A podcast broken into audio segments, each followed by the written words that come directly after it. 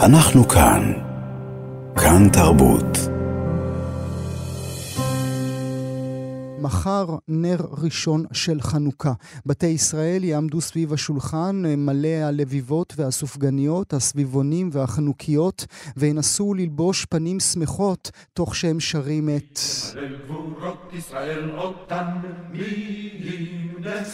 מי ימלא אל גבורות ישראל אותן מימנה למילותיו של מנשה רבינה, או את זה?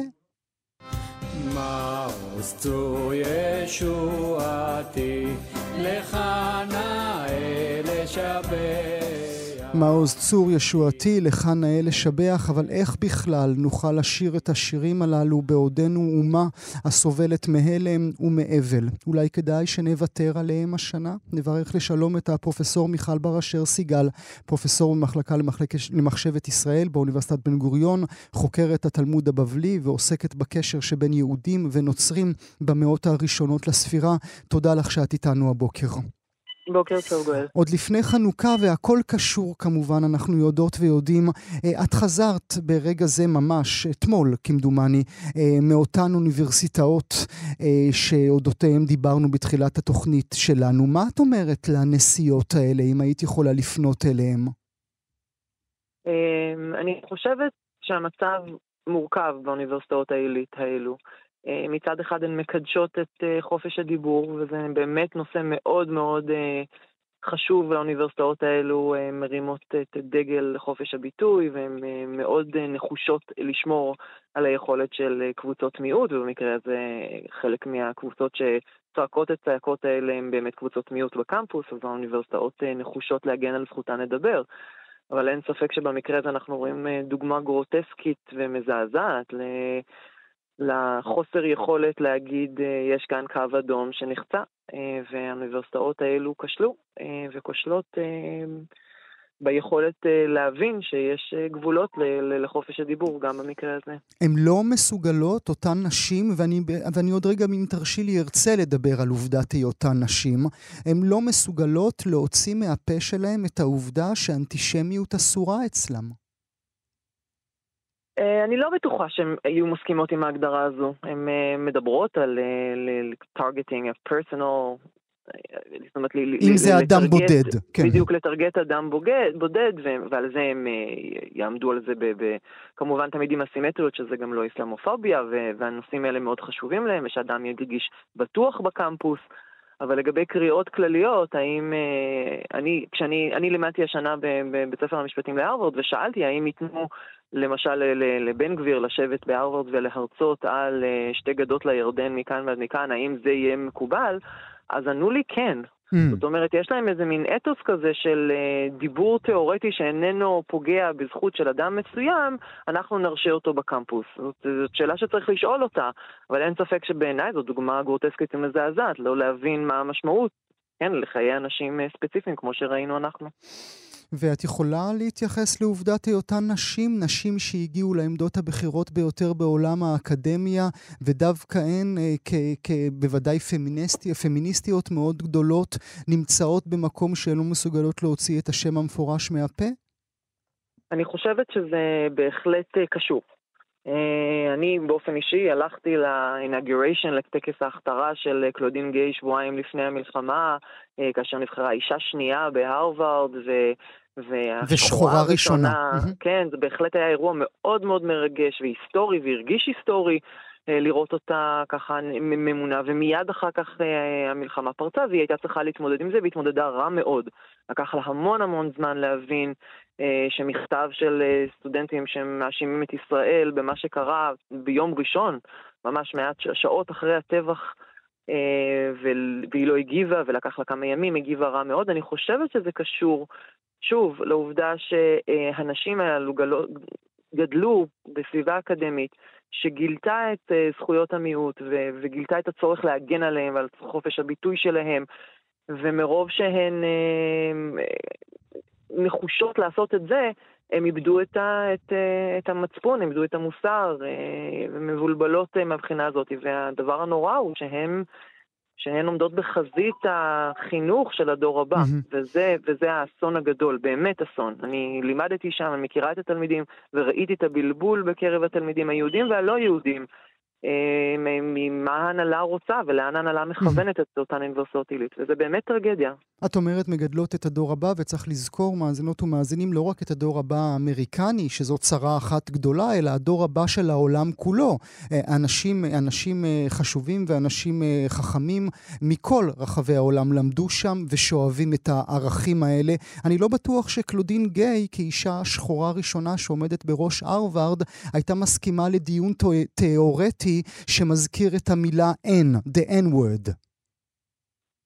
אז זהו, כאשר ככה דחפתי אותם uh, קצת על הנושא הזה כשהייתי uh, בקמפוס, התשובות שקיבלתי היו מאוד חד משמעיות שכן. זאת אומרת שיש uh, uh, יש הגנה מאוד מאוד מאוד רחבה על חופש הביטוי. אני לא יודעת אם זה נכון, זאת האמת, אם בפועל זה ככה, אבל לפחות ברמה הצהרתית הם טוענים שכן. אני, אני קורא תיגר גם על העובדה הזו, זאת אומרת, גם על uh, חופש הגנה, על זכות הדיבור הכללית. גם היא צריכה לי, שיהיה לה גבולות אדומים.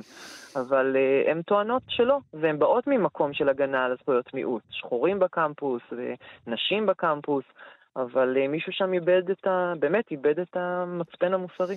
אז אה, באותו הקשר כמובן, כי הכל מתקשר בחודשיים האחרונים, עוד רגע, אולי לקראת השיחה אשאל אותך אם לביבה או סופגניה, כי זו באמת אה, בעיה מאוד מאוד קשה, אבל עוד לפני כן תצליחי לעמוד מחר בערב עם המשפחה והילדים שלך ולשיר את השירים, את מעוז צור ואת מי ימלל? אני, אני אומר את האמת שכששאלת אותי לפני הראיון, אמרתי לך, בוודאי, זאת אומרת, זאת, זו, המסורת, זו המסורת שלנו.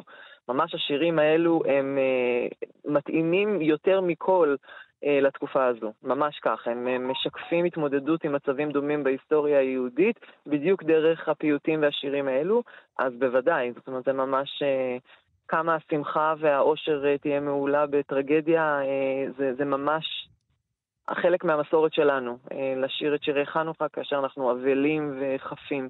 זה ממש... ש- שזה, זה... שזה מדהים, זה לגמרי מסוג הדברים שבין המציאות לבין התפיסה. שני השירים הללו, כמו שנלמד כעת, נתפסים כשמחים, כילדותיים, ככיפיים, כסופגניות, בשעה ששניהם מדברים על אסונות גדולים שנפלו על העם היהודי, ודווקא מהאסון אנחנו מתעוררים וקמים מחדש. כן, אז מאוז צור זה ממש דוגמה לזה. זאת אומרת, מאוז צור הוא, הוא, הוא פיוט שחובר כנראה במאה ה-12 או במאה ה-13, החוקרים חלוקים בעניין הזה, וכאשר כל בית בפיוט הזה מוקדש לאסון אחר שקרה לעם היהודי, ושממנו הוא ניצל. זאת אומרת, החל מהגלות ויציאת מצרים ופורים, כל אלה היו אסונות, היו קטעים קשים בהיסטוריה היהודית שממנו ניצלנו. אה, והשיר הזה אה, זוכר אותם, הוא מקדיש לכל אחד מהם אה, בית, אבל הבית האחרון של הפיוט הזה, חשוף זרוע קודשך וקרב קץ הישועה, ונקום נקמת עבדיך. עבדיך לגמרי.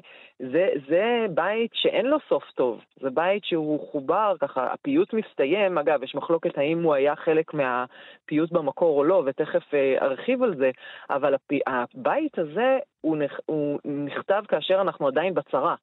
כאשר מי שמחבר את, ה, את הבית הזה אומר רע מאוד, ואנחנו מייחלים לצאת מזה, mm. ושינקמו את נקמת, אה, נקמת הצוררים שלנו. זאת אומרת, השיר כולו מכוון לסיומת. כי הוא אומר בעצם, נכון, הוא אומר שם בעצם אין קץ לימי הרעה. הוא מדבר את הרגע הזה ממש שלנו.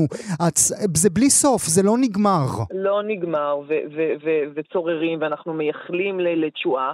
אז השיר כולו אומר, תראו, יש איזשהו אה, רצף כזה בהיסטוריה היהודית שאנחנו נכנסים לצרות ויוצאים מהם, נכנסים לצרות ויוצאים מהם, אז גם עכשיו תוציא אותנו משם, ואלה צרות גדולות מאוד, אלה לא צרות קטנות. ואנחנו רוצים שגם עכשיו נצא, אבל הפיוט מסתיים באמירה מאוד מאוד קשה, אנחנו עדיין בצרה, אין קץ לימי הרעה, ומה יהיה? אבל אנחנו, אה, לאור ההיסטוריה היהודית, אנחנו מייחלים לתקופות טובות יותר, זה, וזה השיר. עכשיו, הבית הזה, עם הקריאה לנקמה ובצורר, אה, הוא בית שעורר מחלוקת אה, מחקרית. הוא, אנחנו מוצאים אותו בכתבי יד רק מהמאה ה-17. אבל יש איזושהי עדות לפיוטים אחרים שהושפעו ממנו, ושיכול להיות שזה כן מעיד שזה קדום יותר, אז אני חושבת שזה קצת קשור פה ל- לרצון החוקר. יש חוקרים שרוצים לראות בזה תוספת מאוחרת יותר, אה, שאנחנו במקור לא קראו לנקמה, אבל הוסיפו את זה אחר כך, ויש חוקרים שאומרים, גם, ואני חושבת שאני נוטה על העניין הזה, שכנראה זה כן היה שם במקור, מכיוון שהפיוט צריך סיום. צריך איזשהו סיום, mm-hmm. ומה שמתאים לנו גם עם הדברים אחרים שאנחנו יודעים, שכן, במקור יהודים רצו לצאת מהצרה שלהם ולנקום את אויביהם, mm-hmm. וקראו לזה בשיר המונומנטלי הזה, שהפך להיות שיר... אה, מאוד נפוץ אה, בחנוכה. נפוץ, נפוץ וילדותי, עוד רגע אשאל אותך מדוע שירי חנוכה נפוצים כל כך, האם הייתה סיבה לדבר הזה בהיסטוריה של העם היהודי, אבל נדמה לי שאפשר לומר, אפרופו מה עוד צור ישועתי, שמחר בערב המאזינות והמאזינים שלנו, כולל אני, נשאיר אותם בכוונה אחרת. פתאום אנחנו מבינים את, ה, את המסר של הכאב הגדול הטמון בהם. כן, כן, ו- ויש משהו מאוד מאוד מאוד יהודי בסבל ובאסונות הקשים אה, שלא מניחים לנו. ההיסטוריה שלנו מלאת דם וקשיים, והצורך להתמודד עם זה ולחגוג את החגים שחובה עלינו ואנו מצווים לחגוג אותם הוא ממש חלק מה-DNA היהודי ותמיד היה.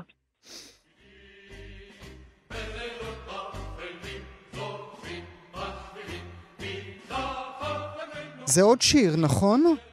כן, אבל... הוא לוקח אותנו למקום אחר לגמרי, הוא לוקח אותנו לציונות. כן, וזה גם באמת התשובה לשאלה מדוע שירי חנוכה כל כך פופולריים. אני חושבת, אני לא סגורה על הפרטים, אבל שזה מכל החגים יש אה, כמות שירים פי כמה וכמה מכל שאר החגים האחרים יחד לחנוכה. והסיבה לזה הוא שבשנות ה-30 וה-40 אה, ראשית הציונות מחברת הרבה מאוד שירים כדי לחגוג את חנוכה, שהופך להיות חג מאוד מרכזי בגנים ובבתי הספר, אה, כי הציונות, ראשית הציונות מחפשת תקדימים היסטוריים לניצחונות צבאיים, ומוצאת אותם במכבים, ובאופן מפתיע גם בבר כוכבא, שזו אפיזודה היסטורית שלא הסתיימה כל כך טוב, אבל אה, ככה הייתה תקופה קצרה מאוד של, של מרד צבאי שמצליח לתקופה קצרה, אה, ומחברת הרבה מאוד שירים, וחלק מה, מה-DNA של השירים האלה, ומאוד מעניין, גם אנו נושאים עתידים וגם מי ימלא לי שהזכרת קודם, זה שהם לוקחים שירים שהם במקור שירים או, או ביטויים או פסוקים שהם אה, דתיים, מי ימלל גבורות אדוני, זה פסוק בתהילים, ולקחת אותו ולהמיר אותו במי ימלל גבורות ישראל. Mm. זאת אומרת, לקחת ולומר, או באנו נושאים עתידים, נס לא קרה לנו, mm-hmm. ולומר, הנס הוא בידינו. אנחנו, יש לנו לסמוך רק על עצמנו. יבואו, יקום העם ויתאחד, כן, אנחנו נקום, נתאחד וננצח.